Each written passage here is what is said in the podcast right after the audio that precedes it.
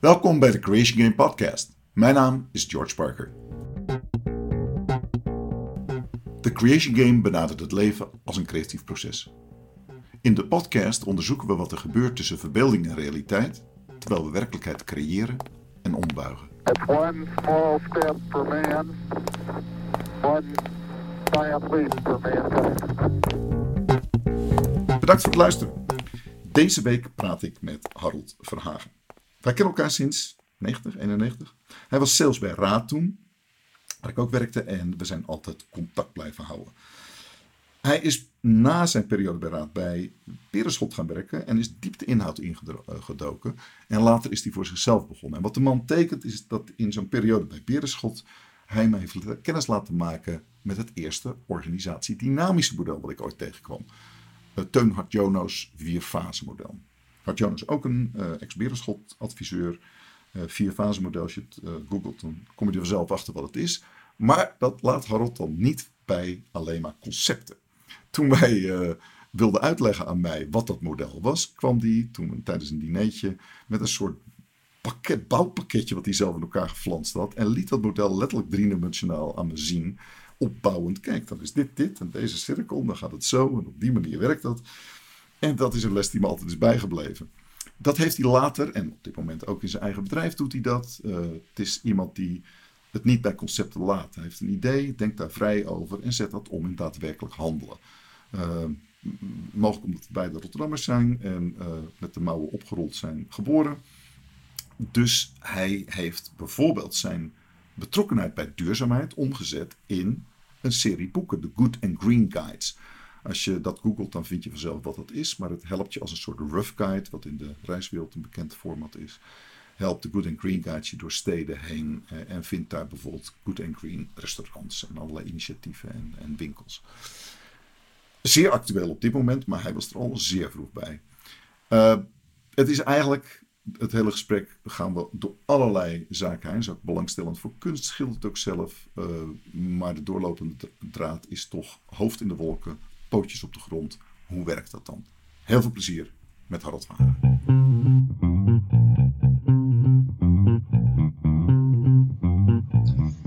Welkom bij deze aflevering van de Creation Game Podcast. Vandaag een gast waar ik me erg op verheugd heb. Want ik zat uit te rekenen, Harold. Wij kennen elkaar al bijna 30 jaar. En, dan, en we kijken naar elkaars kop. Oh ja, inderdaad, we worden ouder. En wij kennen elkaar uit de tijd dat ik uh, net uit mijn uh, programmeursperiode kwam en meer de, de sales support kant inging uh, in Capella. Toen hebben we elkaar leren kennen en die vriendschap is eigenlijk altijd blijven bestaan, op, op, en af. En er zijn veel trajecten gebeurd. Als je, als je kijkt naar die geschiedenis, hè, bijna 30 jaar, dat kan je bijna niet voorstellen. Onze kinderen zijn er groot geworden, zeg maar. En jij bent zelfs opa ja, ja, ja. inmiddels. Je ziet ja, er ook uit, maar, uh, maar ik, hoewel, ik had laatst. uh, uh, ik, ik had een kind geholpen die haar. die had haar, haar fiets onder slot, zoals het sleuteltje kwijt. En bij ons zit een vriend, die is fietsenmaker, zit gewoon om de hoek hier. Dus ik zei, ga daar maar naartoe, dan betaal ik wel voor je. Zeg maar dat Sjors het heeft gedaan.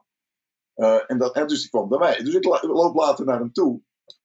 En, uh, en toen zei ik, is dat kindje nog langsgekomen? Heb je, dat, heb je die kunnen helpen? Hij zei, oh, was jij dat? Ik zei, wat doe je? Nou, ik zei, wie heeft je dan gestuurd? Ja, want ze wist de naam niet meer. Hij zei, wat was het dan? Toen zei ze, het was een klein oud mannetje. Zo werd ik omschreven als bijna twee meter lang en groot. En toen dacht ik, oh shit, ik ja. ben nu echt over de grens. Maar als jij terugkijkt ja. naar de geschiedenis, dan dan. Je was toen sales bij Raad. Dat heette, was net ja. het systeem als Systems and Services nog. Ja. Um, wat, wat vind jij de grootste verandering die je hebt meegemaakt van punt A, laten we zeggen in 1991 of zo, toen we daar, daar elkaar leren kennen, tot 2019, vandaag? Wat is voor jou de meest. Ja, ja. Wat, wat, vertel. Als je, als je het over werk hebt, dan ja. is de grootste verandering. Uh, uh, absoluut dat ik uh, eh, 15 jaar geleden, dus uh, precies de helft van die periode, ben ik voor mezelf begonnen. Als ja. zelfstandig adviseur, interim manager. En ja, dat, dat voelt tot de dag van vandaag als, als een goede jas. Als een, dat, past heerlijk. Dat is eh, die vrijheid die je hebt, de onafhankelijkheid die je hebt, dat is eh, eh, voor mij heel, eh, voelt dat heel goed. En dat wil niet zeggen als je in loondienst bent, eh, zoals ik bij Raad zat, dat dat eh, niet goed voelt. Maar je hebt altijd het gevoel, er zit een lijntje tussen. En eh, je, je bent niet helemaal vrij. En, dus dat vond ik, dat vind ik een heel groot verschil. Kon je dat voorstellen toen je. Want dat is een van de rare dingen. Als je in een context zit, dan voelt dat vrij aan. Tot je de stap naar buiten neemt. Denk je, oh, vrij en vrij is Ja, het. Ja, juist. Ja, je ervaart het pas echt als je de stap hebt gemaakt. Dat klopt, ja. Ja, want als jij in een loondienstsituatie bent en, en eh, jouw afdeling en jouw baas, en eh, ja, weet je, daar zit je dan en, en daar werk je en daar doe je eh, je ding. En dan ben je succesvol en dat, dat, dat voelt ook best goed. En natuurlijk zijn er altijd akkefietjes en, en eh, dingetjes die niet lekker lopen als je eh, met reorganisaties zit. En eh, weet je, dan is de sfeer niet oké. En dan is er onzekerheid. Maar nou ja, dat, dat, is, dat ervaar je dan zo als het is op dat moment. Maar als ik nu bij een opdracht zit. En, en daar, zijn, daar spelen dezelfde dingen natuurlijk. Daar zijn ook wel eens reorganisaties. Of eh, weet je, de, de, de sfeer gaat niet goed. Of wat dan ook. En dan voelt het net even anders. Want je, je, bent, eh, je bent toch een beetje buitenstaander. En dat blijf je. En eh, daardoor komt het minder dichtbij dan, dan als je in loondienst bent. Ja, En misschien wel iets die, over. Ja, nee, zeg. ja, wat wou je zeggen? Nou, terwijl je aan het praten bent, denk ik. Dat zit hem eigenlijk. Je je bent er niet bewust van. Het zit misschien letterlijk in het onderbewuste. En de vergelijking die naar me boven kwam toen jij aan het praten was, erover aan het vertellen was. Dacht ik, oh, toen wij vanuit Utrecht, verdieping 4, Soetendaallaan, daar woonden.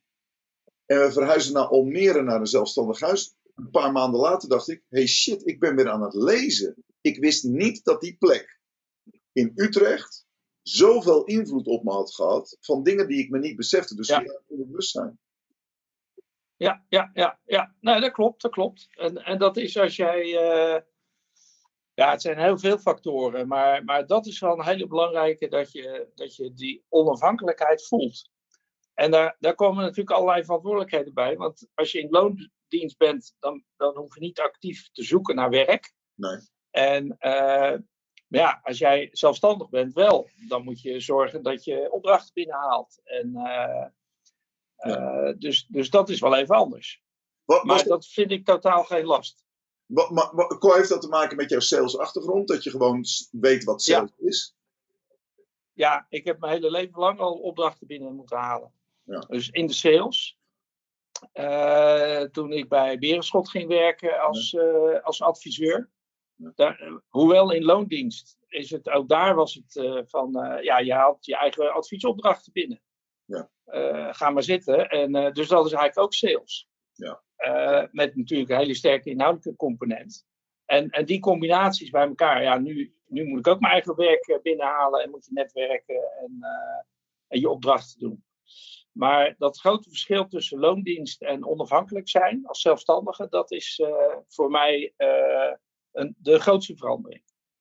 Hoe kijk jij dan aan? Want heel veel bedrijven, zeker de laatste nou, 20, 25 jaar, is natuurlijk de trend van heel veel bedrijven dat mensen in loondienst ondernemender moeten worden of ondernemer moeten zijn. Is dat een paradox? Ja. Is het een tegenspraak in termen? Eh, hè, een contradictie in termen is, zou ik maar zeggen. Van, hé, hey, wacht even. Je vraagt iemand om droog te blijven terwijl hij in een zwembad stapt, zou ik maar zeggen. En dat, dat, is eigenlijk, dat kan eigenlijk niet. Dus daar, we- kunnen daar genuanceerd over praten, omdat ik vaak die, die onderbewuste context. Ja, maar je kunt toch actief zijn? Terwijl je, wat jij nu vertelt, is als je in die situatie zit, ben je per definitie. Zit je eigenlijk in een andere structuur en dat doet toch iets met je, totdat je eruit stapt en werkelijk al- vol in Ja. staat, zou ik maar zeggen, inhoudelijk, maar ook commercieel. Denk jij dat het onmogelijk is dat als je in een structuur zit waarbij je in loondienst bent, is die vraag dan eigenlijk onterecht dat je ondernemender moet worden? Omdat je onbewust toch wat passiever bent. Ja. Nou, ik denk niet dat die onterecht is, die vraag. Want ondernemende werknemers eh, voegen denk ik veel toe voor het bedrijf. Ja. Die gaan op zoek naar kansen, die zijn resultaatgericht en eh, die, die, zijn, die kunnen nieuwe innovaties brengen. Alleen dan moet je ze wel heel veel ruimte geven. Ja. En eh, een mooi, mooi voorbeeld toen ik, eh, nou ja, zoals wij bij Raad samen werkten, Ja. ja, daar, daar had ik niet even een eh, duurzame reisgidsenserie op de markt kunnen brengen. Nee. Want dan hadden ze waarschijnlijk gezegd van ja, ja leuk idee, maar wij zijn hier van de automatisering, dus wij- wij moeten IT doen bij klanten. Ja. En toen ik zelfstandig ben geworden, heb ik dat dus wel gedaan. En dus, dus ja, je hebt natuurlijk als zelfstandige heb je ongekende vrijheid. Ja. En dat kan bijna niet in een, in een bestaand bedrijf. Daar, daar moet altijd een, een duidelijke relatie liggen met eh, de, de visie, de missie en de strategie van het bedrijf.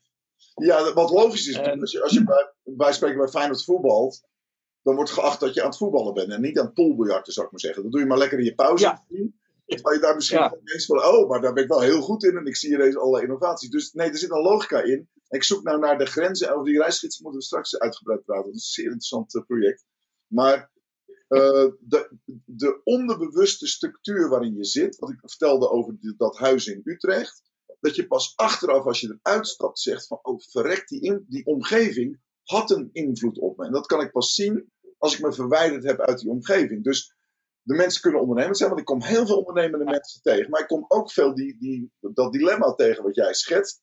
Dat je tegen die, die ja, zijn het ethische grenzen of, of de grenzen van, de, van een organisatie zegt, ja, hou even, het gaat hier wel over, over automatisering en dat past er niet in. Het is geen winkel van Sinkel. Dat is ook een terechte vraag natuurlijk. Dus dan zit je altijd op een soort, als een koordanser tussen allerlei eh, krachtenvelden heen, een beetje aan het wiebelen. En wat jij nu zegt, hé, hey, ik Ja. zit in het zadel, ik ben voor mezelf begonnen. Die sales, dat kan ik eigenlijk wel goed. Ik moet mezelf op een andere manier promoten.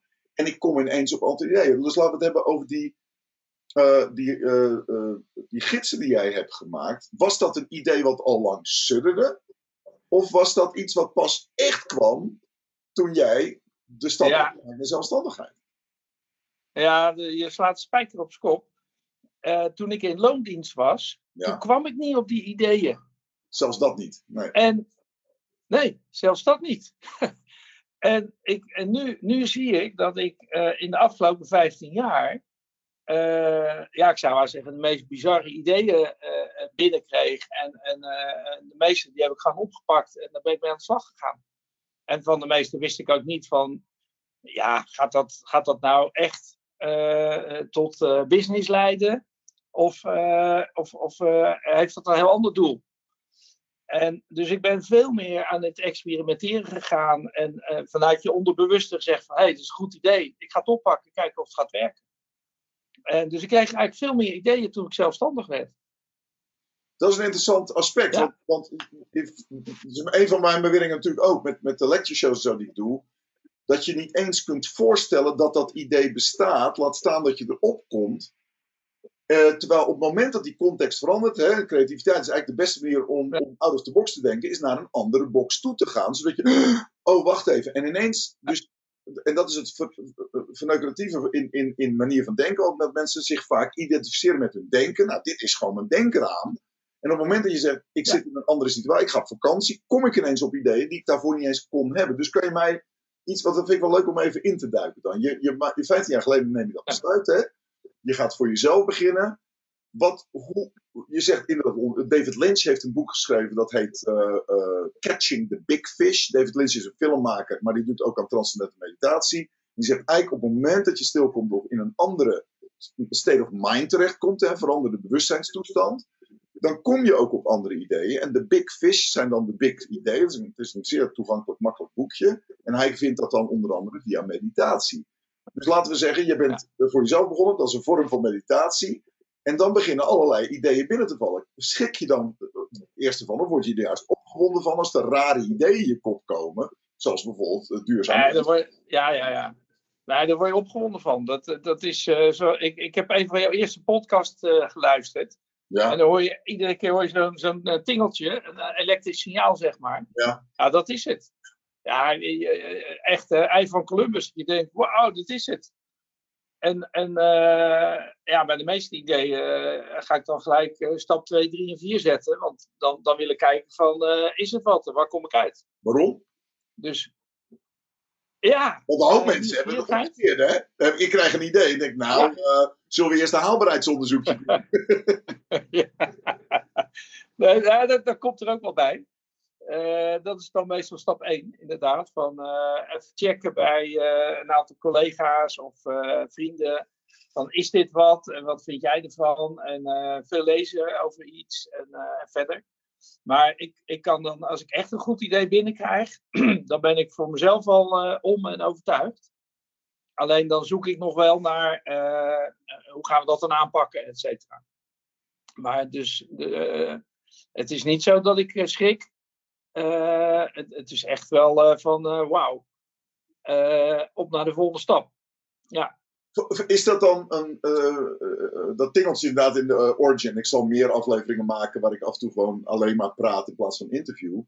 Die interviews worden in feite gewoon integraal uitgezonden. Maar dat zijn die momenten van. die inderdaad als een bell in your head will ring, zei onze grote held Todd Brunken ooit in een liedje.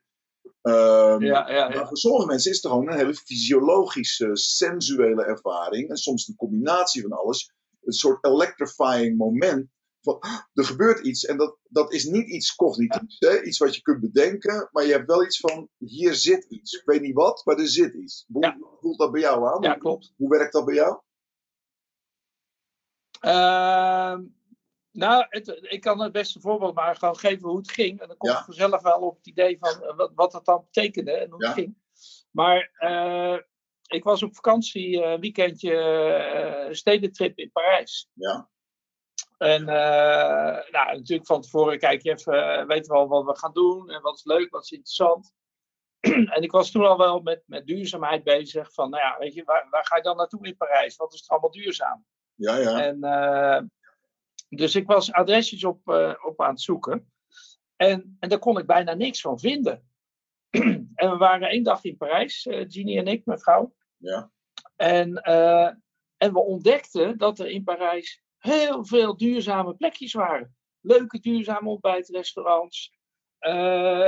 Je kon bij het hotel ook met een elektrische auto opladen. En nou, allerlei dingen waarvan we dachten van wauw, waarom weet eh, eh, de toerist of de consument dit niet? En hoe, hoe kan de consument er eigenlijk achter komen? Oké. Dus toen werd het idee geboren van een duurzame reisgids. Een, een Lonely Planet, eh, zeg maar, maar dan met alleen maar duurzame adressen.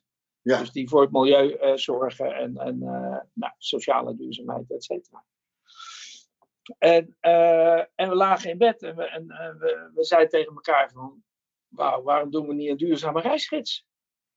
En, en nou, dat was een, een, een kwestie van twee seconden. Zo, ja, tuurlijk, dat moet er zijn. En want je bent al overtuigd dat, het, dat je het nodig, zelf nodig hebt. En dan, dan ben je al eigenlijk al, eh, eh, zeg maar, om. En wat is dan het verschil zelf heel erg tussen het zien en dat er een noodzaak is. En op het moment zeg je, daar ga ik me voor inspannen. Want dat is nogal een stap, denk ik, of niet? Ja, ja, ja. Nou, dat is, dat is heel naïef. Want, want je weet natuurlijk helemaal niet waar dat eindigt. Eh, ja, dat is heel lastig. Ik kan dat niet zomaar zeggen. Dat is, eh, ik denk toch, eh, je bent, zoals dat bij mij werkt, ik vind duurzaamheid heel belangrijk. Ja. Dus respect voor, voor natuur, voor mens. En dat zit er bij mij heel diep in. En, en als ik dan iets tegenkom, eh, wat, wat eh, bij wijze van spreken eigenlijk helemaal niet eerlijk voelt, van het is er dus wel, maar het wordt een beetje verstopt voor mensen. Ja. Ja, zo komen we nooit een stapje verder qua duurzaamheid. Dus dat, de eerlijkheid hoort er ook een beetje bij. Oké. Eh, ja, dan, dan, dan, dan ben, ben ik al een paar stappen verder. Dan denk ik, ja, oké, dit, dit moet opgelost worden. En dan, dan ben ik helemaal niet bezig met, is dat economisch haalbaar en eh, hoeveel tijd gaat dat wel niet van me kosten? Over, dat, Dus, en, en dat gaat wel, ja. ja. Maar dat gevoel van. en dat gaat wel gepaard met naïviteit, weet je wel. Je bent eigenlijk wel heel naïef. Ja. Want je, je weet natuurlijk ook, aan de andere kant, en dat vind ik het leuke als zelfstandige, je kan natuurlijk zelf op het, ieder moment dat jij wil de stekker eruit trekken. Want je kunt natuurlijk zeggen van, nou ja, weet je, ik ben er een maand mee bezig geweest, of een jaar. En, eh, en eh, dit was het wel. Eh, ik, ik ga wat anders doen. Ja. Met dit idee. Ja, dus, bij mij komt er soms iets Calvinistisch uh, naar boven. Dan denk ik van, ja, kan ik dat wel doen? Want nu zijn er ook mensen afhankelijk van me. Sterker nog, dat is, ik heb het wel eens meer in de podcast gehad over Elvis Presley. Het Elvis Presley syndroom, net met Jeff McBride onder andere nog over gehad. Hoe die klem kwam te zitten in een wereld die die deels zelf en het deels door, door zijn manager en door het publiek zelf geschapen was. Dus je maakt iets van een ster en dan wordt het een soort slow suicide van hé, hey, ik kan dit niet meer loslaten. Terwijl jij zegt, ja, maar als de energie er niet meer in zit en je wilt de stekker eruit halen, dan stop je gewoon. Want ja, iedereen wel. Ja. Heb je dat ook altijd aan boord gehad dat je dat kon loslaten? In hoeverre voel je je dan verplicht of, of, of verantwoordelijk daarvoor? Of hoe, hoe zit dat toch? Ja, nee, ik heb dat niet. Uh, ik, ik, heb, die, die verantwoordelijkheid voel ik niet zo heel erg. Het is ook niet zo. Uh, de, de, de, stap naar Elvis Presley is wel heel groot. Uh, ja, aan de andere kant ook niet. En dan denk ik, ja, zo'n artiest maakt muziek. En, en, en die doet zijn optredens en dan brengt zijn platen uit. En, en wie zijn wij om er van iets van te vinden dat hij zou stoppen? Ja. Nou is hij heel anders aan zijn eind gekomen, maar dat is hetzelfde als dat ik zeg van nou, ik, uh, ik ga een reisgidsenserie maken. Ik heb nu een paar steden gedaan. Uh, en en uh, we gaan ook Londen doen. En hartstikke leuk. En daarna stoppen we. Ja, nou ja, dan komen er gewoon geen nieuwe reisgidsen meer uit. En, en het grappige is dat, dat die hele serie is gemaakt met, met studenten. veelal met studenten en enkele, enkele zelfstandigen. Dus die zaten er allemaal, zeg maar, heel erg onafhankelijk in. Ja. En, en dat is eigenlijk wel een leuke bedrijfsvorm, want ik had geen werknemers in dienst. Nee. Uh, voor, voor die reisgidsserie. En dat betekent dat je eigenlijk van opdracht naar opdracht werkt. En dat is ook weer heel flexibel. Ja. Nou, dat is eigenlijk, in de Crazy Game is natuurlijk het, het voorstel van benader je leven, je werk en alles wat je doet weet je, de grondslag is, elk resultaat is het gevolg van een creatief proces. Of het nou een moment in je relatie is, een groot product, een bedrijf, een gids of wat dan ook. Dus je leeft op ja. basis van creatie, ja. creatie naar creatie toe. En dan laat je het los en that's it. En dan ga je naar een volgend momentje toe. Dus je kunt. Dus en Maya, mijn vrouw, heeft natuurlijk aan meegewerkt. Die is ook veel, en die heeft er vreselijk veel lol ja. gehad om, om foto's te maken voor de kids en dat soort dingen. Uh, die, ja, ik, ik ben Rotterdam geboren en getogen. En zij kent op een gegeven moment Rotterdam beter dan ik, omdat ze met haar een foto uh, voor jou uh, het denk ik, oh, die, die plek bestaan. Ja. Dus die heeft vreselijk veel lol in gehad om dat te doen. Maar ook inderdaad van, ja, ik, ik schaar me achter dat idee. Uh, ik vind het leuk om te doen. Ik committeer me eraan. Je maakt daar een soort van deal ja. over. En, en, en that's it. En dan houdt het ook op. Dus ja. dan komen we eigenlijk weer terug bij geen werknemers in dienst, maar mensen die vrij zijn en die dus blijkbaar vanuit een andere motivatie en een ander soort commitment. Ja, heel goed. Ja. En dat, klopt. En met studenten heb je dat ook gezegd. Hoe heb je dan die mensen geworven? Ja, bij, bij, bij, het was via via natuurlijk op een gegeven moment. En tussen jou en Marja klikte dat. Ja. Maar hoe heb je het met andere ja. mensen gedaan? Want je hebt een heel netwerk. Ik ben ook bij, bij die nou, bijeenkomsten geweest. In Utrecht onder andere en ergens anders. En er zijn ja. heel veel verschillende ja. Klopt, klopt, klopt. Nou, veel, uh, zeg maar, uh, de, de professionals, zeg maar, die, uh, die bijvoorbeeld inderdaad foto's maakten of editing gingen doen, of, of drukkerijen, die heb ik veel in mijn netwerken gevonden. En dat waren steeds aparte deals, zeg maar. Ja. En het grootste deel van het werk, namelijk het uitzoeken van de adressen van wat is nou duurzaam en waar zitten die dan? En beschrijft daar eens iets uh, goeds over. En legt die ook langs een duurzame meetlat. Dus uh, zorgt dat er uh, scores kunnen worden gegeven. We hebben echt ieder adres tegen een meetlat gehouden. Ja. Van steden. dat hebben we met studenten gedaan. En ik had contact met, met diverse universiteiten. En, en daar hebben we steeds gekeken naar van, nou ja, oké, okay, zijn daar studenten die, uh, die mee willen doen. Ja. En een mooi voorbeeld was Londen. Uh, daar, daar kenden we helemaal geen universiteit. Dus ik ben gewoon thuis gaan googelen van welke, welke universiteiten in Londen doen veel aan duurzaamheid. En uh, toen kwam ik uit op de City University in Londen. En, eh, en daar ben ik gewoon mee gaan mailen. En, en daar bleek een green team te zitten.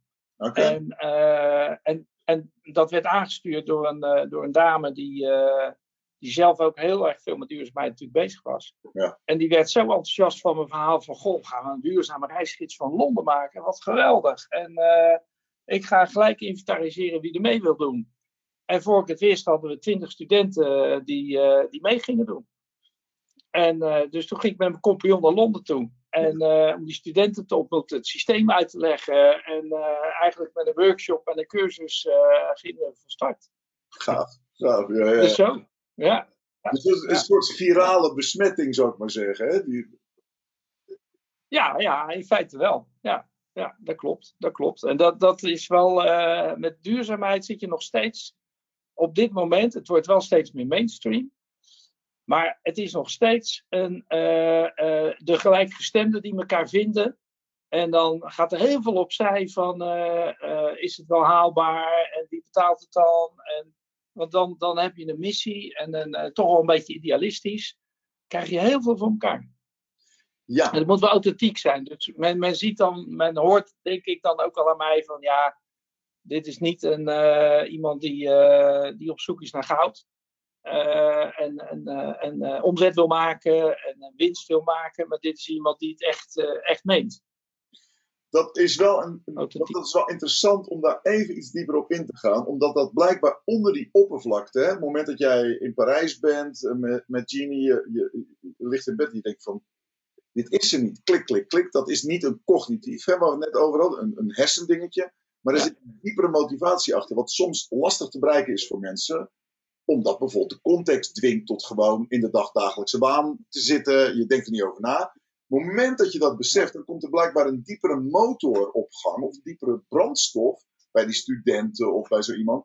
En dat is een ander soort, die mensen verlangen daar ook vaak naar natuurlijk. Dat, dat, dat op dat niveau contact maken, wat commitment is, het niveau van commitment. Op het moment, misschien heeft het ook met geloof te maken. Dat is allemaal datzelfde niveau. Hè? Ik noem het vaak je ziel. eh, of je hart. Of Ja. hoe het ook. Het is bijna niet te grijpen, maar het is wel zeer voelbaar dat het verschil maakt in je mate van commitment. Het verschil maakt in de mate Ja. van eh, waarin je verbonden bent met mensen. En dan blijkt de werkelijkheid ook om te buigen als je op dat niveau kunt zijn. Dat geldt voor sporters. Op het moment dat ze het even Ja. het moment niet hebben, dan verliezen ze de wedstrijd. Op het moment dat ze dat eh, wel hebben, dan, dan, dan zie je wonderen gebeuren bij wijze van spreken. Als je kijkt naar de. Eh, eh, eh, het de- we hebben het over de Good and Green Guide. Je hebt, nou, ik weet dat mooi mee gehouden, Den Haag, Rotterdam. Ze heeft er een serie hier staan. Londen heb je dan op een gegeven moment de, de sprong gewaagd.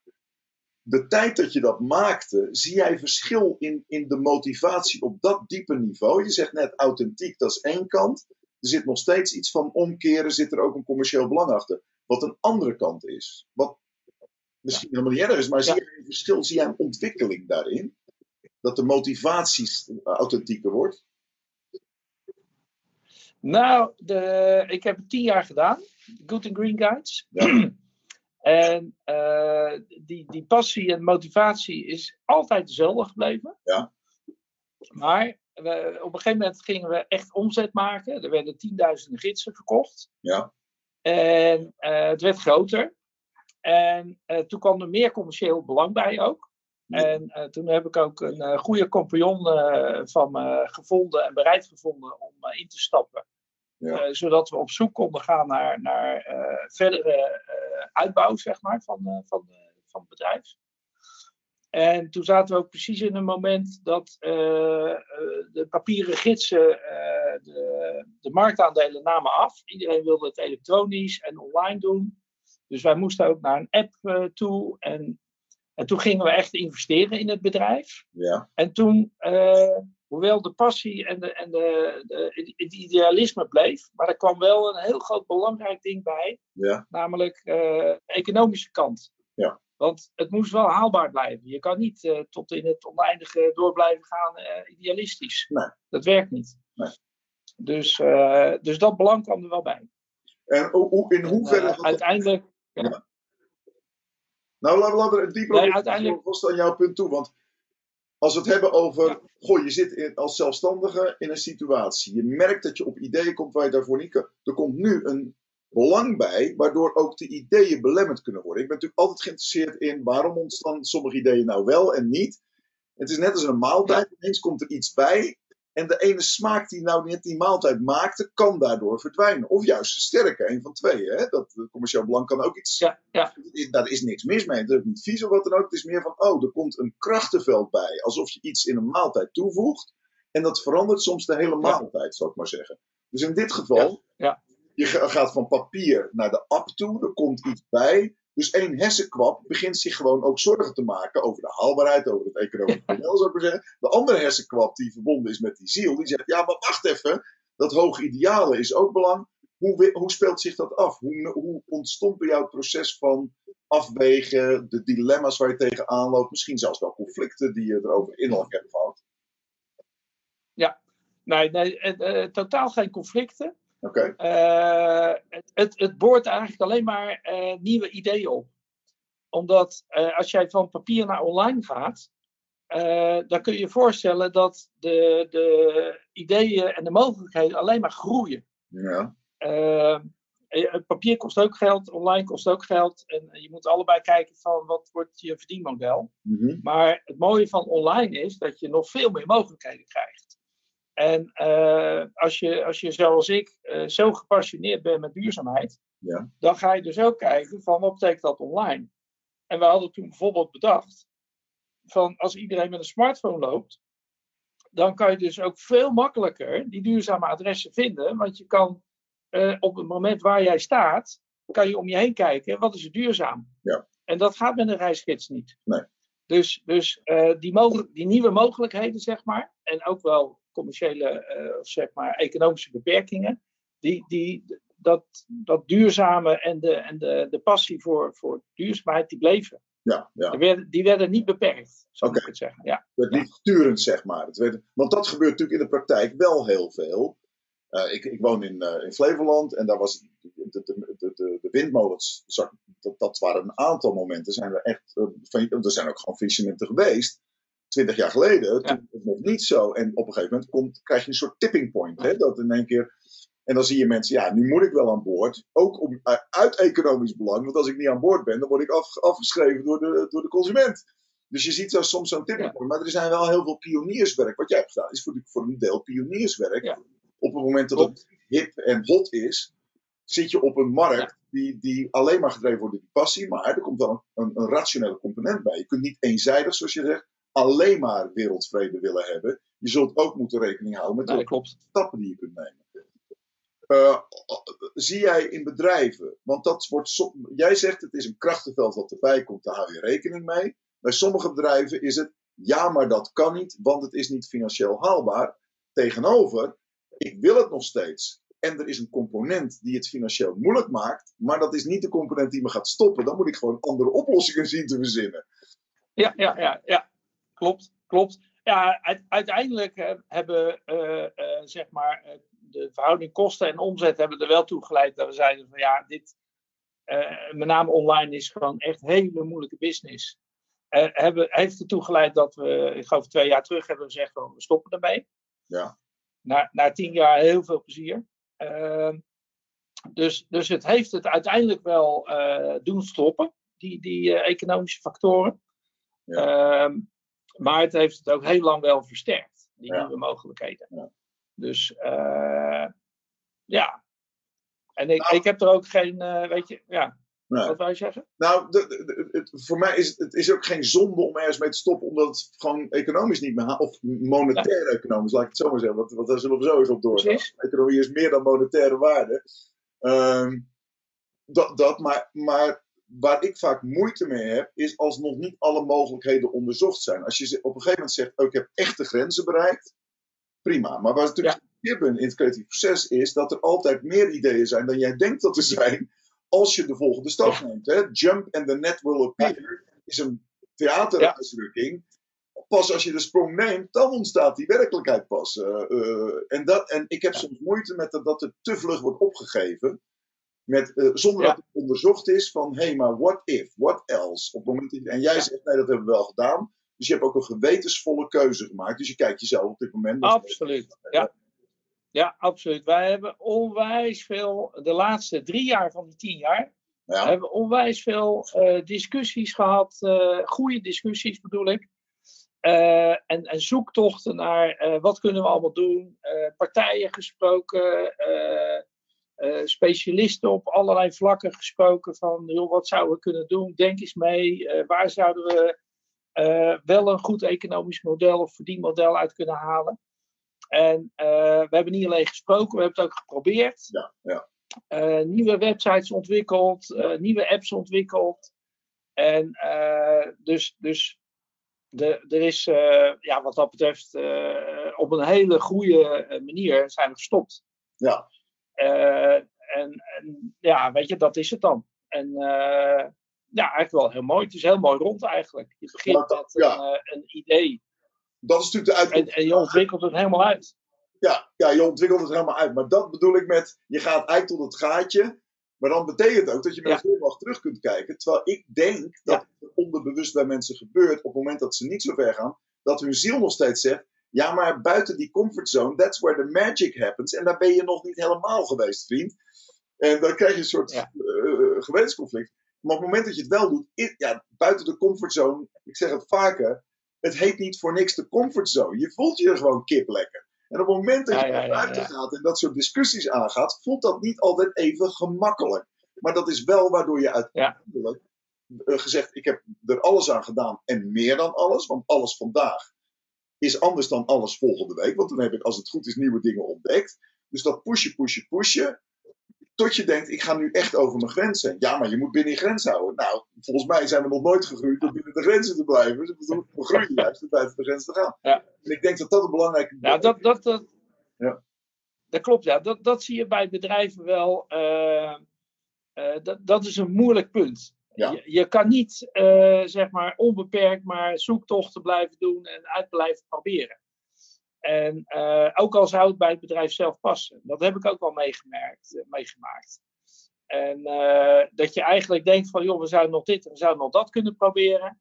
Maar ja, je, je, je ziet dat er niet, of er is onvoldoende draagvlak, of het past niet op dat moment, of het is te nieuw. Hè? Dat, eh, we hebben nog geen bewijzen dat het ook echt gaat werken. Mhm. En daar heb je als zelfstandig helemaal geen last van, als eigen ondernemer. Nee. Daar, daar ga je het gewoon doen. Ja, ja, ja. Ja, ja. Maar hoe, Ja, ja, ja, ja. je hoe, wat, wat is een belangrijk ding ook voor mensen eh, eh, die daar met dit onderwerp natuurlijk bezig zijn? Want wat, wat we exploreren is, hey, de context maakt uit. Hè? Ik, ga, ik word ineens zelfstandig en ik merk ineens dat ik op ideeën kom. Ik begin waar te nemen dat ik die ideeën ook moet volgen. Ik merk dat ik er de vrijheid voor heb, want het it's all on me. Als er iets fout gaat, nou, dan heb je zelf een bloedneus. Nou ja, dat zal dan wel. En je hebt belang met er geen andere bij. Je, gaat dat avontuur aan. Je blijft trouw aan dat geweten. Daardoor kom je ook op ideeën en heb iets geweldigs neergezet. Tenminste, ik, ik ben daar een fan van. Ik bewonder dat. Het is een ongelooflijk respect hoe je dat hebt gedaan. Eh, en dan zijn er ook grenzen.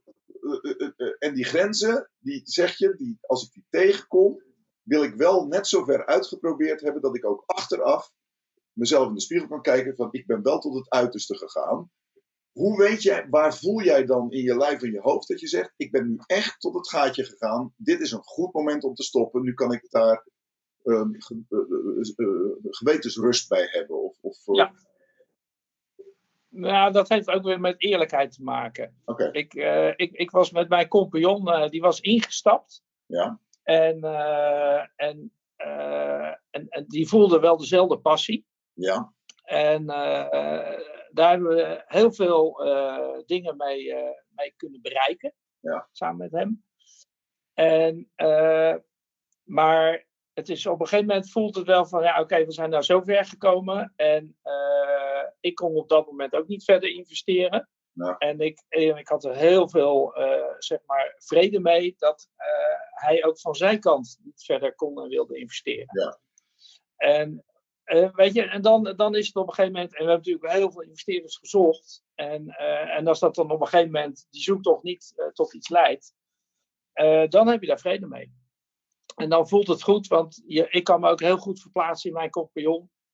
Eh, dat je zegt van ja, nee, dat is redelijk. Ik, ik, doe zelf, ik kan zelf ook niks meer eh, hieraan bijdragen financieel. Dus, dus dit is het eh, gewoon. En, en dan kijk je veel meer terug op de, de goede dingen en de leuke dingen die gebeurd zijn. Dan dat je stilstaat bij van ja, wat jammer nou dat we niet verder kunnen. En eigenlijk eindigt het net zo leuk als dat het begon. Want je, ik, ik kan me voorstellen, even de andere kant van de zaak, als je die eerlijkheid niet hebt en ook niet die sprong neemt in het diepe af en toe, waardoor je. Dan eindigt het vaak inderdaad in een soort uh, verkrampte rechtszaak. En daar heb ik vele voorbeelden van. En dan wordt, ja. wordt het helemaal ja. niet zo leuk als het begonnen is. Dat merk je in nee. dat merk je in bedrijven. Ik, ik, heb heel veel vrienden die in rechtszaken middenin zitten. Uh, in de crisis is dat gebeurd en ik heb veel CEO's daarin begeleid. En dan komt het in die verkramping. En voor mij is de oplossing niet zozeer van. Nou, dat is nu eenmaal zo. De oplossing is meer heb je daarin alles geprobeerd en contact met elkaar gehouden op een eerlijke manier. Dus een beetje elkaar zeggen, oké, okay, het is niks mee dat er een keer een conflict ontstaat dat je jankend uit elkaar gaat, maar wel met een vette huk van oké, okay, de, Grieks drama, maar het is zoals het is. We hebben wel op dat niveau contact. En ik heb daar ook voorbeelden van. Als je, heb jij momenten meegemaakt dat je zelf hebt gedacht, tenminste ik ken ze uit mijn eigen leven, dat ik te vroeg wil vluchten. Dat is een angstreactie, hè? vluchten, vechten, bevriezen. Dan ga je weg. Terwijl ja, ja. een geweten zegt eigenlijk: Ja, maar nou ben je gewoon aan het duiken, vriend. Als jij nog doorgaat en de ellende doorgaat, kom je op een geheimpje en een ideetje waar je echt. Heb, ken je dat soort momenten ook dat je, dat je uh, weg wilde of dat je, dat je weerstand kreeg tegen de volgende stap? Ja, ja, ja. We, we, we hebben inderdaad uh, in, uh, in, die laatste periode bleven we zoeken naar oplossingen. En en, en de rolverdeling was wel een beetje van ja, ik, ik ben de, de, zeg maar, uh, de idealist en, en de, degene die met heel veel ideeën aan gaat komen. Uh, en en uh, mijn compagnon was vooral degene van hey, rationeel en hoe gaan we daar zeg maar een goed economisch model uithalen. En, en nou, dat, dat, dat botste niet echt. Maar er was natuurlijk wel frictie van, ja, uh, weet je, kan dat dan wel? En, uh, en uh, laten we ons wat anders proberen. Ja. Maar, maar niet in een vervelende of negatieve zin. Nee. dus, dus, en ik denk dat de oorzaak daarvan was dat je toch uiteindelijk allebei die passie hebt. En die is gedeeld. En, en ja, absoluut, die is gedeeld. Ja, ja. Ja, ik kan me een, eh, een, een, eh, een ander voorbeeld uh, bedenken van wat ik ook heb gedaan. En dat was een veel wilder idee. Ja. Ehm, ik, ik las op een gegeven moment in de krant de, de Titanic ontbindt langzaam op de bodem van de zee. Alles valt uit elkaar door bepaalde microben. En, en, en, en over honderd jaar is er helemaal niks meer van over. Okay. En, uh, en toen zei ik ook weer tegen Ginny, mijn vrouw, van nou, wat moet je nou toch meemaken? Dat, dat kan je toch niet voorstellen, zo'n zo'n mooi schip. En, uh, en dat is er straks niet meer. Met, met al die verhalen die erbij horen. En, en dat, dat is gewoon weg straks. En, uh, en toen ben ik ook met een plannetje begonnen van, van hoe, hoe, wat is hier aan te doen? Ja. En wat, zou je dat ding naar boven kunnen halen? Kan je die verhalen weer tot leven brengen, uh, noem maar op. Dus ik heb eerst heel veel gelezen erover. En, en uh, hoe groot is dat schip? Hoe zwaar is het? En waar ligt het dan? En, en, hoe zou je daar iets commercieels mee kunnen doen? En nou, noem maar op. En uiteindelijk ben ik nog een stap verder gegaan. En toen dacht ik van ja, oké, als, als, je dat nou echt naar boven wil halen, dan moet je wel de, de, het, het beste bedrijf hebben die dat zou kunnen doen uh, wat je kent. En dat was Mammoet. dus ik heb uh, contact opgenomen met uh, de directeur van Mammoet. En, en voorgelegd van, joh, ik heb dit idee, ik heb het uitgewerkt en een aanpak en ik wil daar graag eens een keer over komen praten. en die man die voelde waarschijnlijk in mijn stem van, ja, dit, dit is niet, dit, dit meent hij. En dit zou nog wel eens haalbaar kunnen zijn. Dus voor ik het wist, zat ik met de directie van Mammoet om tafel om mijn plan toe te lichten. Ja. En, uh, maar dat waren ook gasten uh, van, ja, zoals dat gaat in Rotterdam, die, die stropen de, mouw, de mouwen op. En ze hadden mijn plan van tevoren ontvangen. En die waren zo enthousiast, die hadden gelijk een ingenieursbureau erbij uh, uitgenodigd. Ja, ja. Om met elkaar twee uur te gaan praten van, joh, hoe kunnen we dat schip oppikken? Hoe kan dat? Dus, dus uh, nou ja, uiteindelijk is dat, uh, is het idee daarna niet verder gegaan, want het bleek zo te zijn dat het materiaal technisch niet op te pikken was. Het zat zeer, helemaal vast in de zeebodem. En, maar wel een voorbeeld van, oké, je gaat toch met elkaar, je hebt een passie. Hun passie was van, hoe kunnen wij ja, grote aansprekende klussen doen op het gebied van het redden van een schip of het bergen van een schip. En mijn passie was van ja, hoe kan ik iets wat, wat symbool staat voor hele mooie verhalen tussen arm en rijk, hoe kan ik dat weer tot leven brengen? En, en die passies kwamen bij elkaar. Ja. En, maar totaal niet haalbaar. En, nee, maar... en dus na, na, ja. Dat, dat is niet na een eerste e-mailtje of een eerste gesprek. Want dat, daar hadden we het net over. Dat grensvlak van. Ja. Op het moment dat je iets nieuws tegenkomt, buiten die comfortzone komt, in creatieve termen, is je eerste reflex angst. Eigenlijk als je creatief wordt, word je hartstikke reactief, omdat je denkt van, oh dat is nieuw, dat ken ik niet. En de angstinstinct, de biologische angstinstincten zijn natuurlijk, ik verzet me er tegen, hè, de, de, het gevecht, vluchten, vechten, bevriezen, dat zijn de typische, hè, dat kennen we allemaal wel. Dus je amygdala gaat opspelen. En dat is eigenlijk het moment dat je dat doet. En als er niet iets diepers is wat dat overruled. En zegt: Oh, ik snap dat dit aan de hand is. Laat ik proberen ja. een fair onderzoek te doen. Kijk je, nu kijk je erop terug. Maar oké, we hebben dat gedaan. We hebben, misschien valt het schip uit elkaar terwijl je dat opwijst. Maar weet ik veel wat. Dat kan allemaal. Ja. Maar het bezwaar is vaak dat je soms stopt voordat je überhaupt dat soort stappen genomen hebt. En wat het volgens mij op de lange termijn doen, als we het even aan duurzaamheid koppelen. Die passie wordt pas duurzaam als je dat soort dingen, stappen wel genomen hebt. Want als je dat niet doet, kan het zijn dat je juist op ja, een soort weg, weggooi-passie terechtkomt, zou ik maar zeggen. Wegwerppassie-economie, zou ik ja. maar zeggen. Ik heb een beetje passie. ik, ik, ik, ik, krijg een soort uh, prinses op de ed-syndroom. Er is een app onder negen matrassen en ik heb er last van. En dat zie je met name onder andere in Amerika. Dat is natuurlijk een maatschappij die ongelooflijk ingericht is op hoe houden we je juist binnen de comfortzone.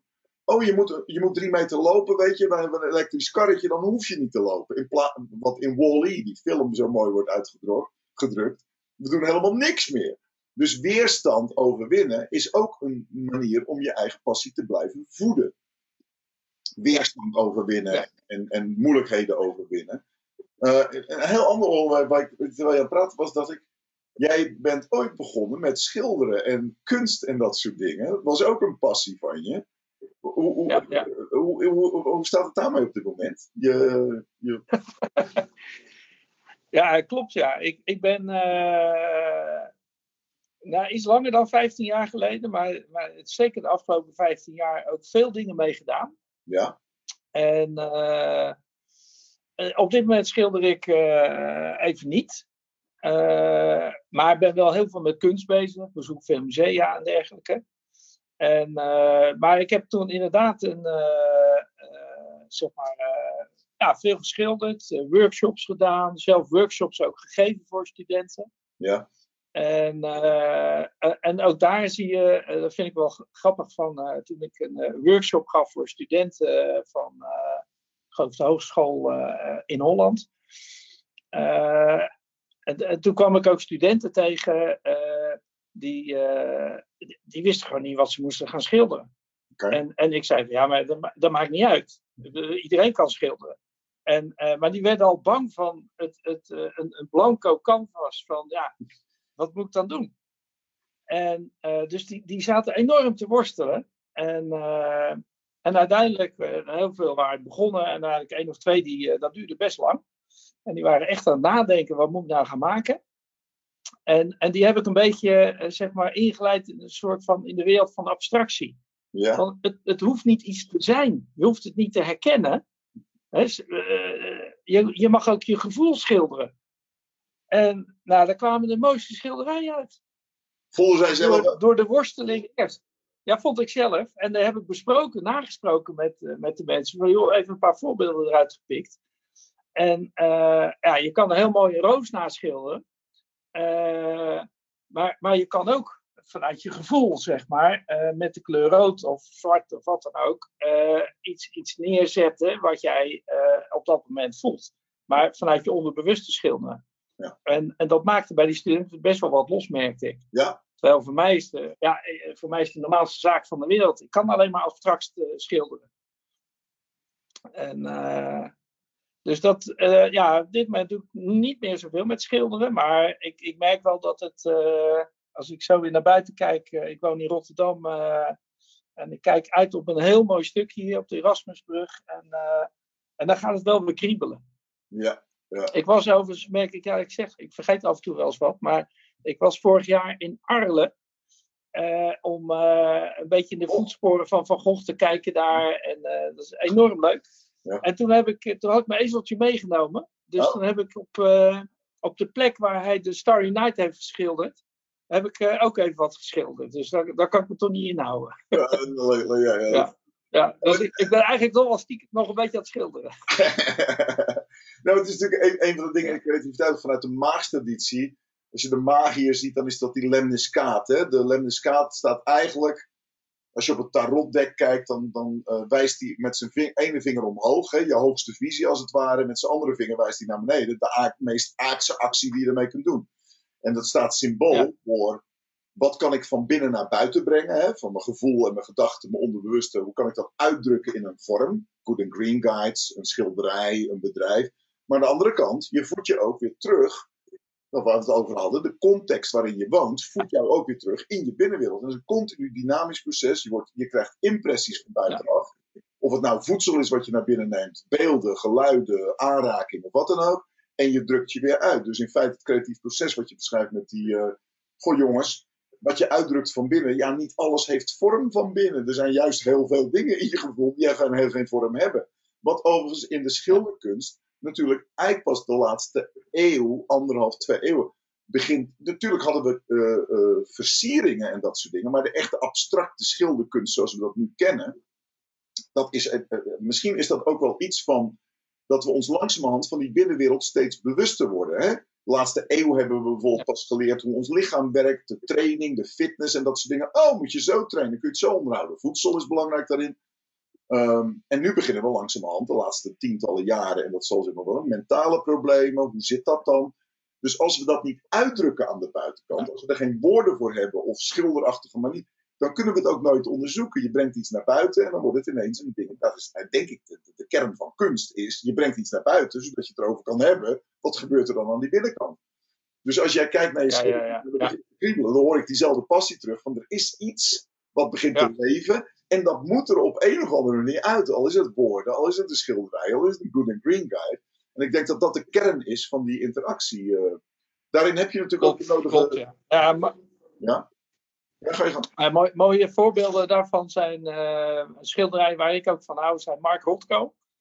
Eh, vaak alleen maar één of twee of drie vlakken van kleuren, maar heel veel lagen over elkaar heen, waardoor de diepte ontstaat. Ja? En die schilderijen die, die, die moet je zo laag mogelijk ophangen, Ja? zodat die- kleurenvlakken zeg maar, op, het, op het niveau van je buik en je hart zitten.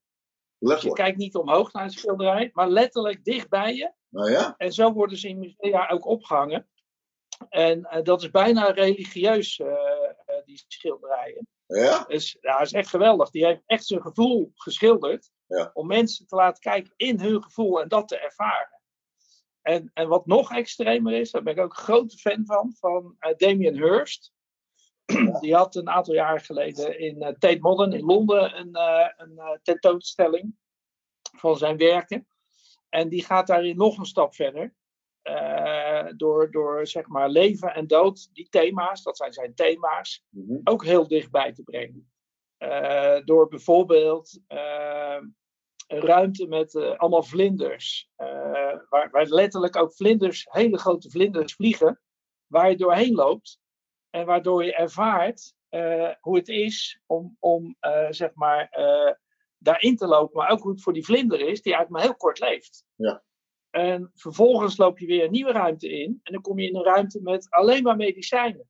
Een soort apothekers, eh, eh, een apotheek zeg maar. Ja, ja, ja. Wat voor hem symbool staat voor zodra je geboren bent, ben je bezig om je leven. eh, je bent eigenlijk aan het aftakelen, maar je doet er alles aan om het zo lang mogelijk te rekken.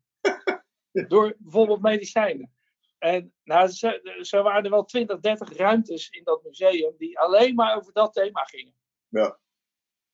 Ja, geniaal. Maar dat, eh, wat je nu beschrijft, zeg maar, als, als dat in het concept van de Crash Game, is dat je lijf is een medium tussen de impressie, alles wat je naar binnen neemt op allerlei vormen, materie, zoals, zoals voedsel en zo, en de expressie. En wat je nu beschrijft, is dat die sensuele beleving, de lichamelijke beleving, daar eh, een heel belangrijke rol in speelt. Dat als je dat contact met dat lijf, dat is bijna ook religie, betekent natuurlijk in zijn oorspronkelijk betekent, heeft iets met eh, herverbinding te maken, zou ik maar zeggen. Als jij kijkt, want je zit veel in IT-projecten projecten ook, hè? juist in je, in, je, eh, ook in je interim management en dat soort dingen in je, in je bedrijf. Ja.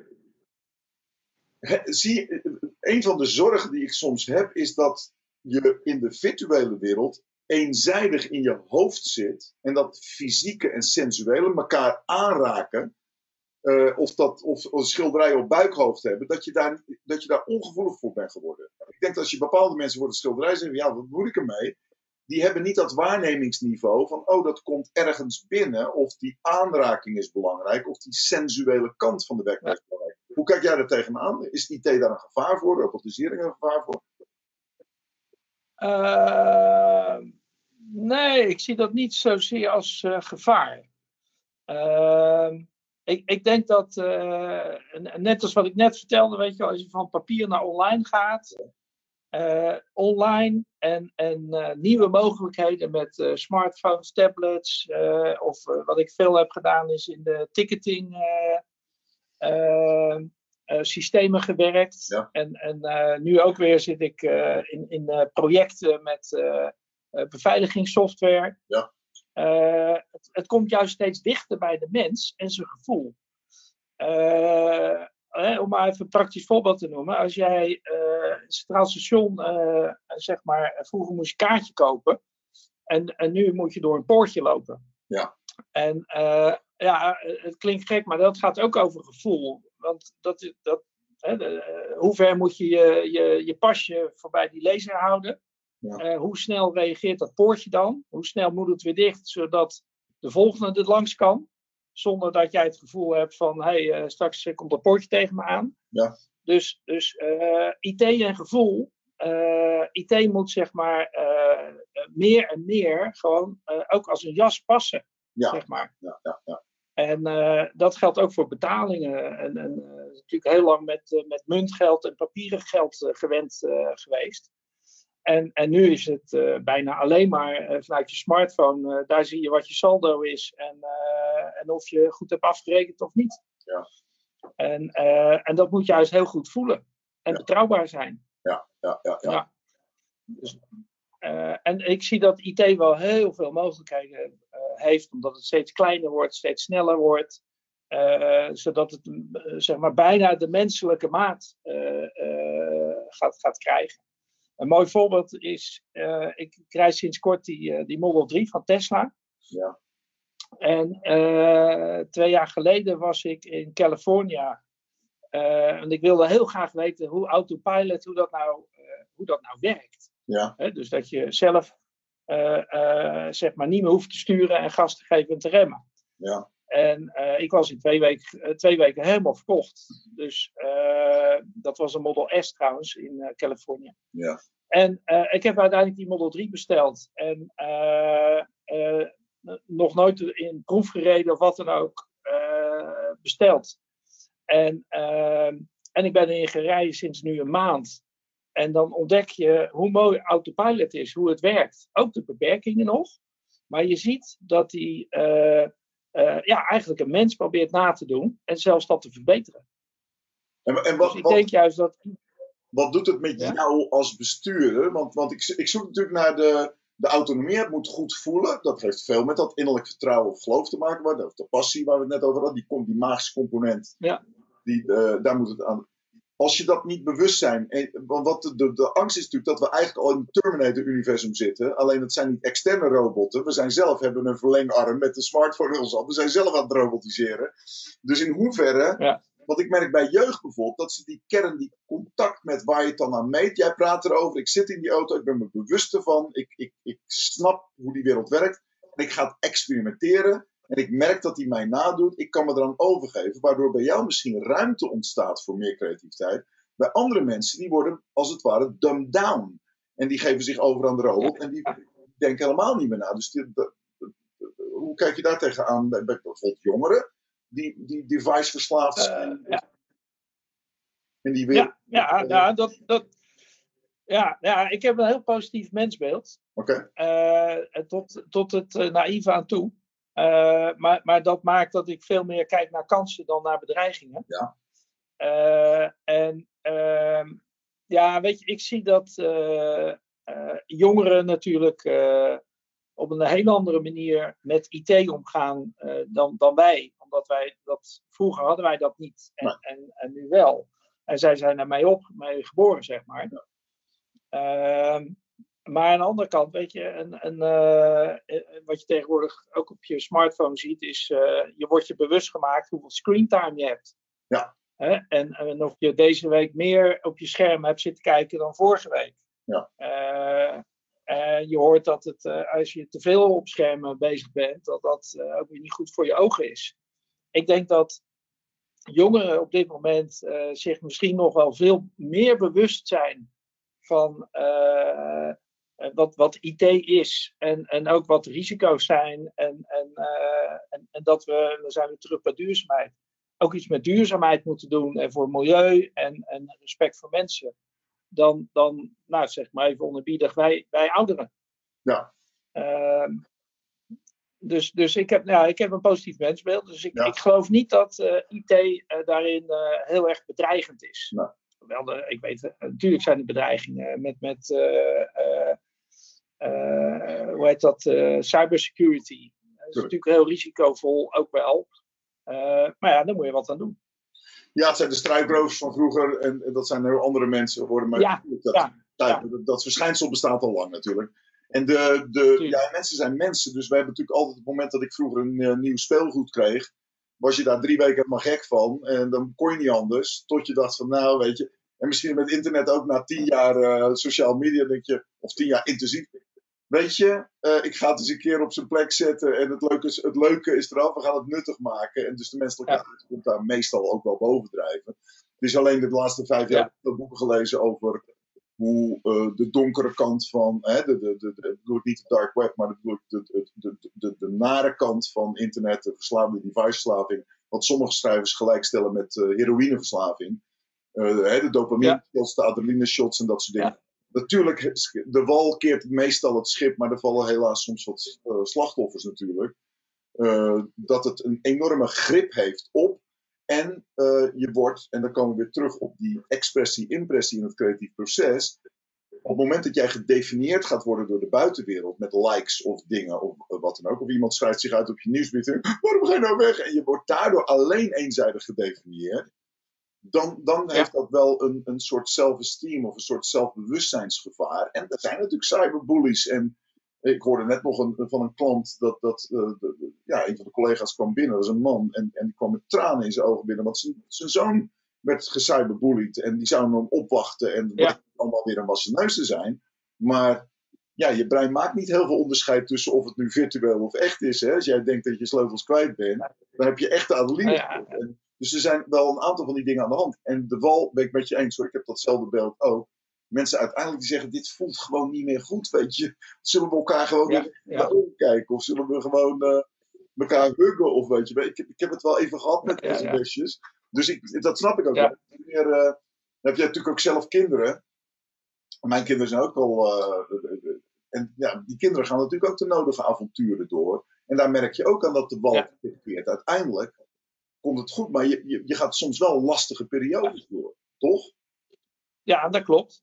Nou, ik, ik, ik denk dat eh, eh, de, de wallen het schip keren, eh, dat gebeurt misschien wel vaker dan vroeger. Omdat je Ja. inderdaad, zonder dat je weet, verslaafd bent aan je smartphone.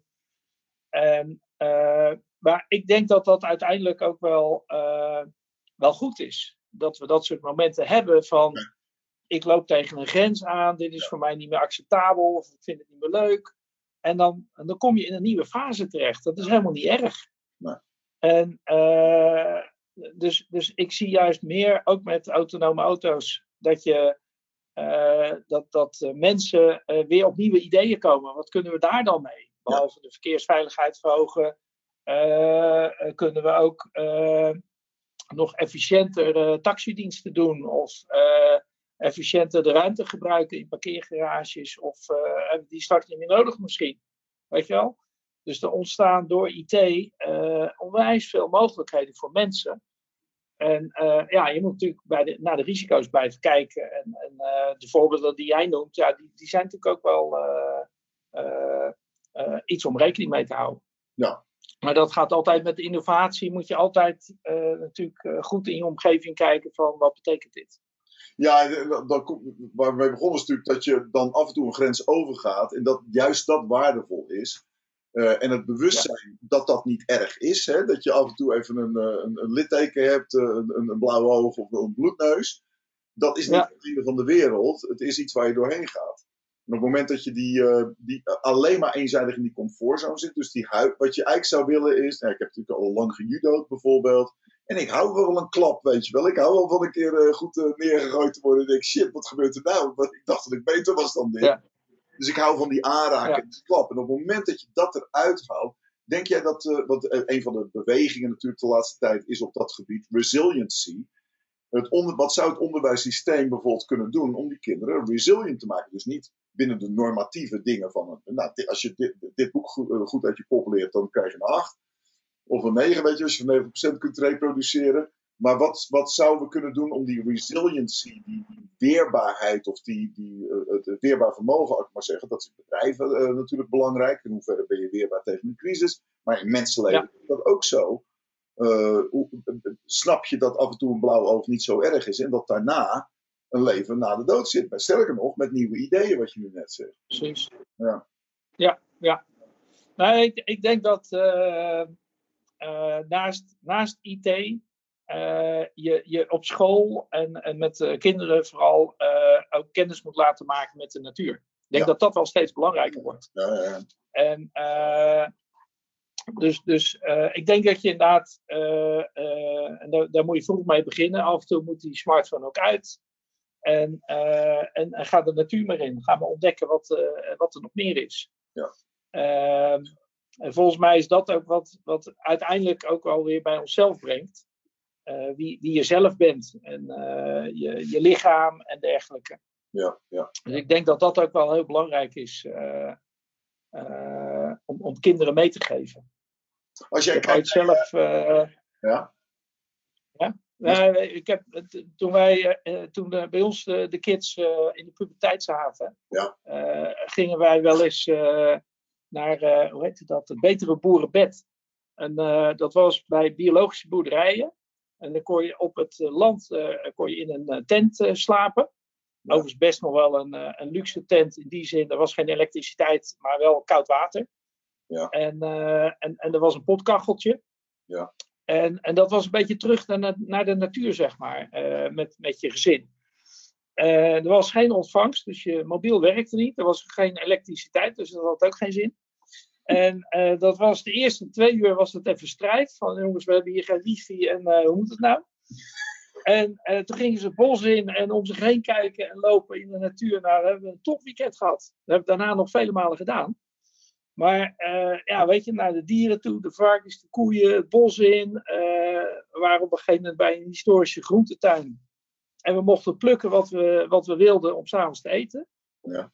En eh, ja, dat, dat zijn ervaringen. Daar hebben mijn kinderen het nu nog over. ja, Dus ja, natuurlijk, IT is niet alles. En, en eh, ik, ik zou jonge mensen en op scholen, dan moet je daar veel meer tijd aan besteden. ja, in de plaats van. Ja, ja, ja. Dus krijg je, dan krijg je de goede balans weer, zou ik maar zeggen. Ja, ja, precies dat. Ja, terug in contact met, met nou, wat je, wat je eh, meerdere malen noemt, die fysieke, materiële omgeving, die component, zet je ook af en toe gewoon in de aardse werkelijkheid van je lijf en de, de beperkingen die het heeft, maar ook Ja. de genotskant die het heeft. Ja. Dingen en, en ja, dier aanraken. Ja. Ik, ik heb eh, in 2012 natuurlijk een eh, bijna dodelijk ongeluk gehad en toen is een vrouw achter mij komen zitten in het wrak. Ik heb, weet er niks meer vanaf hoor. Maar flarden nog dat ik denk, ik, zij Wow. zei, ja, je begon telefoonnummers te noemen en je, je moest naar je werk en dat soort dingen. Nou, geen idee meer. Maar zij heeft me aangeraakt de hele tijd. Zij heeft 20 minuten in die auto zitten. Ja. De hulpdienst, want ik moest eruit gezaagd worden, zo'n traumahelikopter en dat soort dingen. Ehm, het was ook niet mijn fout. Het was gewoon een, een, een vrachtwagen die of een, eh, een bestelbusje wat optrok en wat me van de weg af heeft geduwd. Maar die aanraking, Ja. achteraf zeg maar, dat heb ik wel gevoeld. Het kalmeerde me. En wij hebben heel veel aan eh, dingen als massage, reiki, tantra dingen gedaan. Dus die lichamelijke component is een hele belangrijke component tot rust. Om uit je mind te komen. Ehm, en, Ja. en het zou wel eens kunnen dat virtual reality, daarmee een deel oplost. Omdat je daar... Voor mij is verbeeldingskracht virtual reality is niks anders dan... Ja, dat doe ik in mijn hoofd ook al lang. Terwijl je bij de, eh, bijvoorbeeld de Verenigde Naties merkt... dat het besluitvormingsproces, op het moment dat je die virtual reality indoet... en je zit een half uur in dat dorp waar je beslissingen over neemt... dat dat voor die mensen ineens een echte zintuigelijke, sensuele voorstelling wordt... van hoe het werkelijk is in dat, eh, in dat dorp. Ja. Daarvoor was het abstract. Dus dat virtual reality zou wel eens een manier kunnen zijn van, oh, zo kan het dus echt voelen. Omdat je brein door die beelden op je kop, die driedimensionale beelden, ineens meer die realiteit eh, eh, als echt waarneemt. Daardoor krijg je contact met je lijf, de emoties. Dat is veel directer. En voor creatieve mensen denk ik dat dat al lang zo werkt in hun fantasie. Als jij die Ja, ja, ja. Light ziet of je ziet de schilderij, dan begint dat direct al in je hoofd. Dat is een bril op je hoofd. Eh, waardoor je Ja. eh, makkelijker daaruit kunt stappen. Dus dat zou wel eens een IT-kant kunnen zijn waar je denkt. En natuurlijk de plek, die Top. social media, van hé, hey, wie ben ik zelf?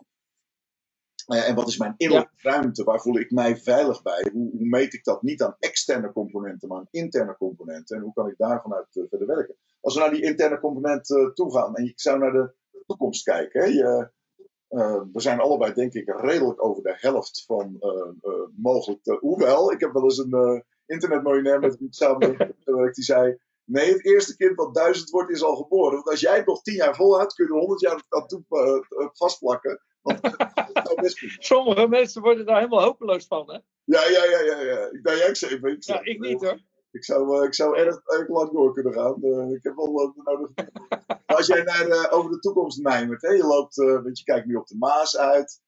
Eh, je hebt een prachtige locatie. eh, dan kan ik me voorstellen dat je wel zit te dagdromen, zeker in jouw geval. En je zou met een toverstokje kunnen zwaaien. Wat zijn dan momenten in je toekomst die je zou kunnen visualiseren? Dat, dat zou ik nog echt wel heel leuk vinden om dat te onderzoeken of daar verder in te gaan. Eh, zakelijk of privé, maakt me niet zoveel uit. Maar wat zijn dingen die je, die je vreugde geven of waar je die kick, die passie op gang komt? Ja, ik, ik denk dat ik eh, wel wat meer zou gaan reizen. Eh, ik, ik merk in mijn omgeving heel veel mensen die gaan naar de verste landen toe. Ja, Die gaan fietsen in Cambodja en, en, en die gaan in Rwanda en eh, Nieuw-Zeeland, Australië, noem maar op. En ik heb zo wel een paar plekjes op de aarde dat ik denk van ja, daar, daar zou ik toch eigenlijk wel een keer naartoe willen. En het is een beetje in tegenstrijd met, eh, met ook eh, milieu en duurzaamheid. Want ja, ik bedoel, eh, moet je daar helemaal heen gaan en, en wat kost dat aan brandstof, noem het maar op. Terwijl heel dichtbij, wij zijn toch vaak Nederland en Europa op vakantie. ja, Maar een, een van mijn dromen is nog steeds een keer naar Antarctica. En eh, nou ja, dat is natuurlijk eh, best wel dubieus. Want eh, één, wat heb je daar te zoeken? En, en twee, beschadig je niet iets en, en dergelijke. Ja. Maar ja, dat, dat zijn wel mijn dagdromen. Om te kijken van... wat, wat gebeurt daar? Weet je wel, ik, ik ben geïntegreerd door klimaatwetenschappers die onderzoek doen naar gletsjers, naar het leven op aarde, de veranderingen die daarin in plaatsvinden. Ik denk dat dat wel een. eh, een, een eh, dat, dat zijn mijn dagdromen. Eh, en in een tijdje heb ik Sea Shepherd gevolgd. Die organisatie die zeg maar walvissen redt en Japanners op afstand houdt. Machtig interessant. En daar heb ik veel respect voor. En dat, dat zijn een beetje mijn dagdromen. En ik denk van ja, als ik, als ik daar nog eens iets in zou kunnen doen of, eh, of, of eh, iets in kan betekenen, dan zou ik dat eh, graag doen. Dus toch wel een beetje een combinatie van reizen en, en, en, ja, dingen van de natuur. ja, ja, ja. Zeg maar dat, dat zijn, ja, ja dat, dat is mijn passie ook wel een beetje. En, en zou je daar weer een, En hoe ik, een vorm aan? Kan ik me voorstellen dat je een, een, ik veel, een, een album maakt wat je ook zelf schildert en vervolgens beschrijft? Of eh, eh, eh, op welke ja, ja, ja, ja, zou je dan, je komt terug, je hebt indrukken. Zou je daar een, heb je daar al, al gevoel over van hé, hey, dat zou een leuke vorm kunnen zijn om daar een bijdrage aan te leveren, een toegankelijke vorm voor andere mensen, zodat, zodat we niet met z'n allen naar de Antarctica gaan en het helemaal vernietigen, maar Ja, ja, ja, precies. Ja, ja, ja. daar, daar heb ik eigenlijk nog niet over nagedacht, maar, maar daar, daar valt natuurlijk heel veel mee te doen. Ja. En, en eh, een, situatie die je daar ziet, eh, dichterbij brengen met eh, verhalen of met beelden. Ik, ik denk dat, ja, je kan daar niet met z'n allen naartoe. En misschien moet ik daar ook helemaal niet naartoe. Nee. Maar het is wel iets wat, denk ik, heel dicht bij ons staat. Waar, je- waar we ons van bewust moeten zijn. Van wat betekent dat als, als, als we inderdaad opwarmen en, en, en waterniveaus gaan omhoog. Ja. Daar heb ik zelfs in mijn werk ook mee te maken. Ja. Er zijn metrostations, het moet eh, klimaatbestendig zijn. Ja. Dat is de, de, de, en een paar extreme buien en, en zo'n metrostation kan eh, vollopen. Ja, wat doe je daaraan? Ja. Hoe zorg je dat dat niet gebeurt? Ja. Dus ik, ik ben daar toch wel altijd mee bezig. Maar hoe ik het concreet zou eh, zien als ik aan het dagdromen ben van nou, ik moet naar Antarctica of ik ga met Sea Shepherd mee. Eh, ja, ik, ik, ik zou dat live willen verslaan. Lijkt me geweldig. Wel, je, wat je dan voelt en ziet, weet je, dat is zoiets. Ja, ja, ja, ja. Eh, misschien wel een podcast of zo. ik, ik realiseer me trouwens, George, nu wij het er zo over hebben. eh, daar moest ik aan denken ook een beetje ter voorbereiding van deze podcast. Eh, ik, ik merk in mijn leven dat alles waar ik over ga dagdromen, dat, Ja. dat wordt een keer werkelijkheid. Ja. En, en dat heb ik al zo vaak ook onbewust meegemaakt. Eh, dat, eh, dat heeft ook wel iets eh, dat je denkt van, oh ja, ik moet, ja, je- aan de ene kant denk je, ja, ik moet oppassen met dagdromen, want het wordt allemaal werkelijkheid. Aan de andere kant is dat ook wel weer de nieuwsgierigheid, dat je denkt, nou laat maar gebeuren, want ja, blijkbaar is het, dient het het doel. Dus Ja, ik heb ooit lang eh, dat ik eh, iets met de muziek wilde gaan doen. ja. En, eh, speelde een klein bandje bij Raad. ja, dat, dat is, dat- ja, dat is onze gezamenlijke passie. Mooi laatste thema van deze podcast Ja. misschien. Wij zijn allebei gek van muziek van Todd Rundgren. Ja. En waarschijnlijk nog van heel veel meer muziek. Yes. En ik had zoiets van, ja, ik ben altijd naar muziek aan het luisteren. Af en toe zelf ook gespeeld. En eh, toen dacht ik al, al een paar keer van hoe mooi zou het zijn als je daar ook je werk van kan maken. En eh, dat heb ik een paar keer gedacht en gedagdroomd. En, eh, en ja hoor, en een jaar of vijf, zes geleden had ik een opdracht in de muziekwereld. een interim klus met ICT uiteraard. En dat was hartstikke leuk. Maar, maar hoe dat dan gaat, dat vind ik wonderlijk. Wonderlijk. Ja, het is, het, is, het inderdaad een mooie afsluiting. Want focus, dat is mijn eerste wet van waarneming die ik 15 jaar geleden opschreef in het eh, grote boek van de creativiteit. De drie wetten die nog steeds onderliggend zijn. Ik heb natuurlijk altijd onderzocht van wat maakt nou dat de werkelijkheid ontstaat zoals die ontstaat. Een, een, een zoektocht sinds mijn vijfde. En de eerste wet van waarneming was, nou, er is geen recept voor, maar de eerste wet is in principe, focus creëert je realiteit. En focus heeft een mentale component, verbeeldingscomponent. Het heeft een fysieke component, waarbij je focus is namelijk het centrum van activiteit. Mentaal, dat is een dagdroom. Eh, maar dat is soms te abstract, waardoor de focus verzwakt. Maar hoe beelder het wordt, hoe sterker de focus. De activiteit, waar ben je fysiek mee bezig? Waar ben je emotioneel mee bezig? Waar ben je spiritueel mee bezig? En wat is je omgeving? Dus er zijn meerdere componenten daarin. Ja, maar ik ben toch in mijn kop gefocust. Ja, maar je, weet je wat, dus die gemeente die ik ooit bediende, die zei we willen korte rapporteren en gingen daar fysiek lange rapporten over schrijven. Dus mentaal waren ze met korte rapporten bezig, maar fysiek helemaal niet. Dus dan is die focus Ja. compleet, zou ik maar zeggen. Dus ik denk dat op het moment dat die passiecomponent, de spirituele, de betekenisgevende component, de energie, samenvalt met die dagdroom, samenvalt met je activiteiten, samenvalt met de omgeving, dat is het moment waarop die werkelijkheid begint te buigen. Dat is althans mijn eh, basisfilosofie erin. En perspectief creëert je focus. Dus op het moment dat je zegt, want dat is natuurlijk de angst die mensen hebben, dan kan ik dan nergens over dagdromen. Ja, maar dagdroom is alleen de mentale component. Op het moment dat jij daar actie aan gaat toevoegen, boekjes aan gaat toevoegen, een netwerk krijgt, dan begint die focus, die energie te bundelen en dan zie je de werkelijkheid buigen. En bij sommige dingen duurt dat eeuwen. Bij andere dingen kan het zomaar zijn dat het in één keer samenvalt en in één keer van start komt. Dus uh, niks mis met, uh, met die uh, meandering. En dat hoor ik door, eigenlijk door al je verhalen heen. Je, ik, ik voel, en op het moment dat ik het voel en verbeeld, en ik ga, de acte, ik ga werkelijk mijn ezeltje meenemen naar Arlen, dan in één keer ontstaat die werkelijkheid die ook materialiseert als het ware. Want ditzelfde over ja. dagdromen, er zijn ook dag-nachtmerries. Je, je hebt mensen met anxiety attacks, mensen met problemen met. Ik sprak gisteren nog een, een, een jongen die in de winkel werkt in de retail. Kocht ik hem een heel uh, een nieuwe colbertje. En, uh, en die begon ineens. Het was hij stil in de winkel. En ik heb wat trucjes gedaan voor hem. En hij begon in één keer over zijn angst te aanvallen. Dus we hebben ook een kleine oefening gedaan met. Oké, die fysieke component die is nogal belangrijk om een mentale trips naar de, naar de gruwelijke beelden om die te stoppen en tot rust te brengen, ik maar zeggen. Dus uh, leuk om je dagdromen te horen, maar ik denk dat pas als je er echte passie voor voelt en je activiteiten, dat het ook waar wordt. Maar volgens mij moet je een dik playbook hebben in je hoofd van allerlei dingen die je zou kunnen doen. en er eens eentje uitpikken. Dus ik ben je dankbaar voor je tijd, ja. uh, voor je verhalen, je open. Hey, top. Zijn er nog dingen... Oké, okay, ik ben eigenlijk benieuwd... Uh... Ja, ja, ik ben eigenlijk benieuwd waar dagdroom jij dan over? Oh, ja. Dat, Wat is nou een van jouw dingen die jij. Uh... Nou, mijn, mijn grote dagdroom, al de laatste. Eigenlijk al zo, zo, vroeg als mijn vijfde jaar, is. Ik wil weten hoe je de werkelijkheid buigt. Want toen werd ik wakker, zoals je in de eerste podcast gewoon van. Oh shit, alles is verzonnen. Maar ook de regels en ook de gebeurtenissen. Maar hoe kunnen we dan de werkelijkheid verzinnen? Oh, we verzinnen de werkelijkheid al. Iedereen is in, vanuit mijn definitie en basisfilosofie altijd aan het creëren. Je kunt niet niet creëren, je bent gedachten aan het maken, uh, je laat je beïnvloeden. Dat doe je meestal automa automatisch, onbewust en, en in een soort reactieve staat op basis van je weet. Daar is helemaal niks mis mee.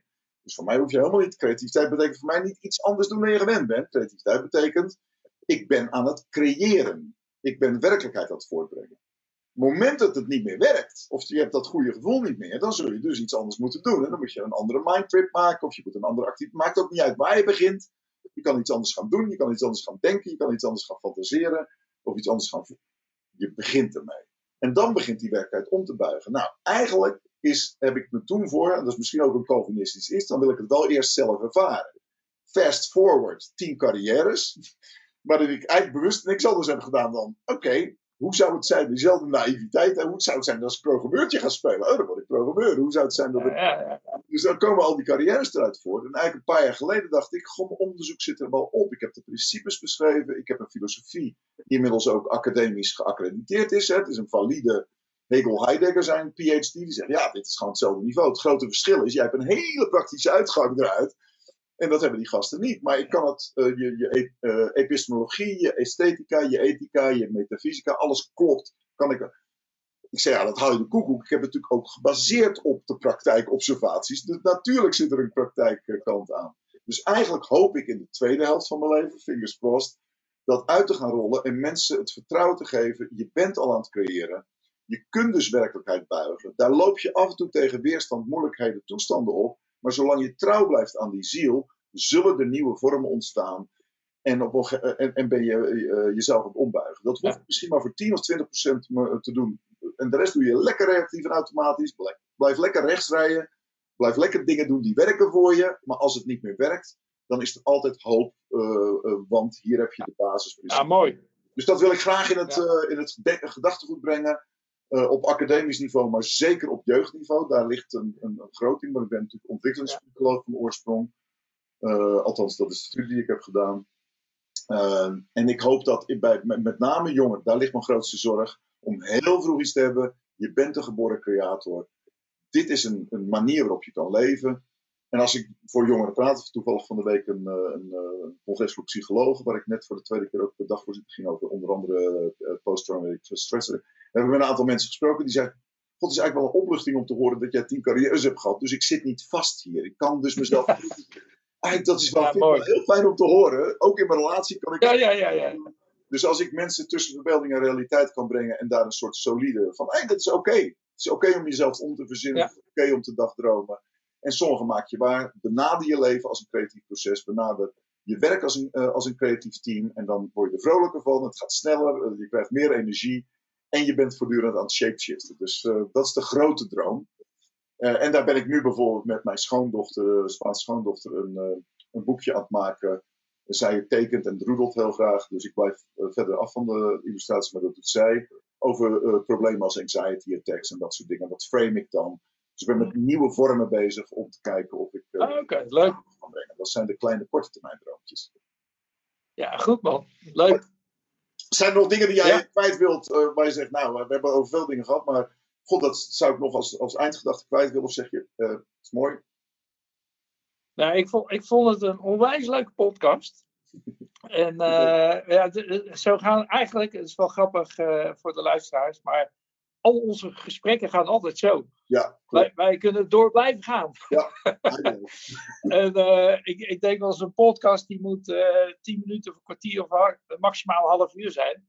Maar uh, je kan ook een keer de tijd nemen voor dingen. Yes. En, dus ik vind het wel heel goed om gedaan te hebben. En, ik vond het hartstikke leuk en een eer dat je me hebt uitgenodigd, George. Ja, geheel wederzijds. Ik ben je zeer dankbaar voor je tijd en energie.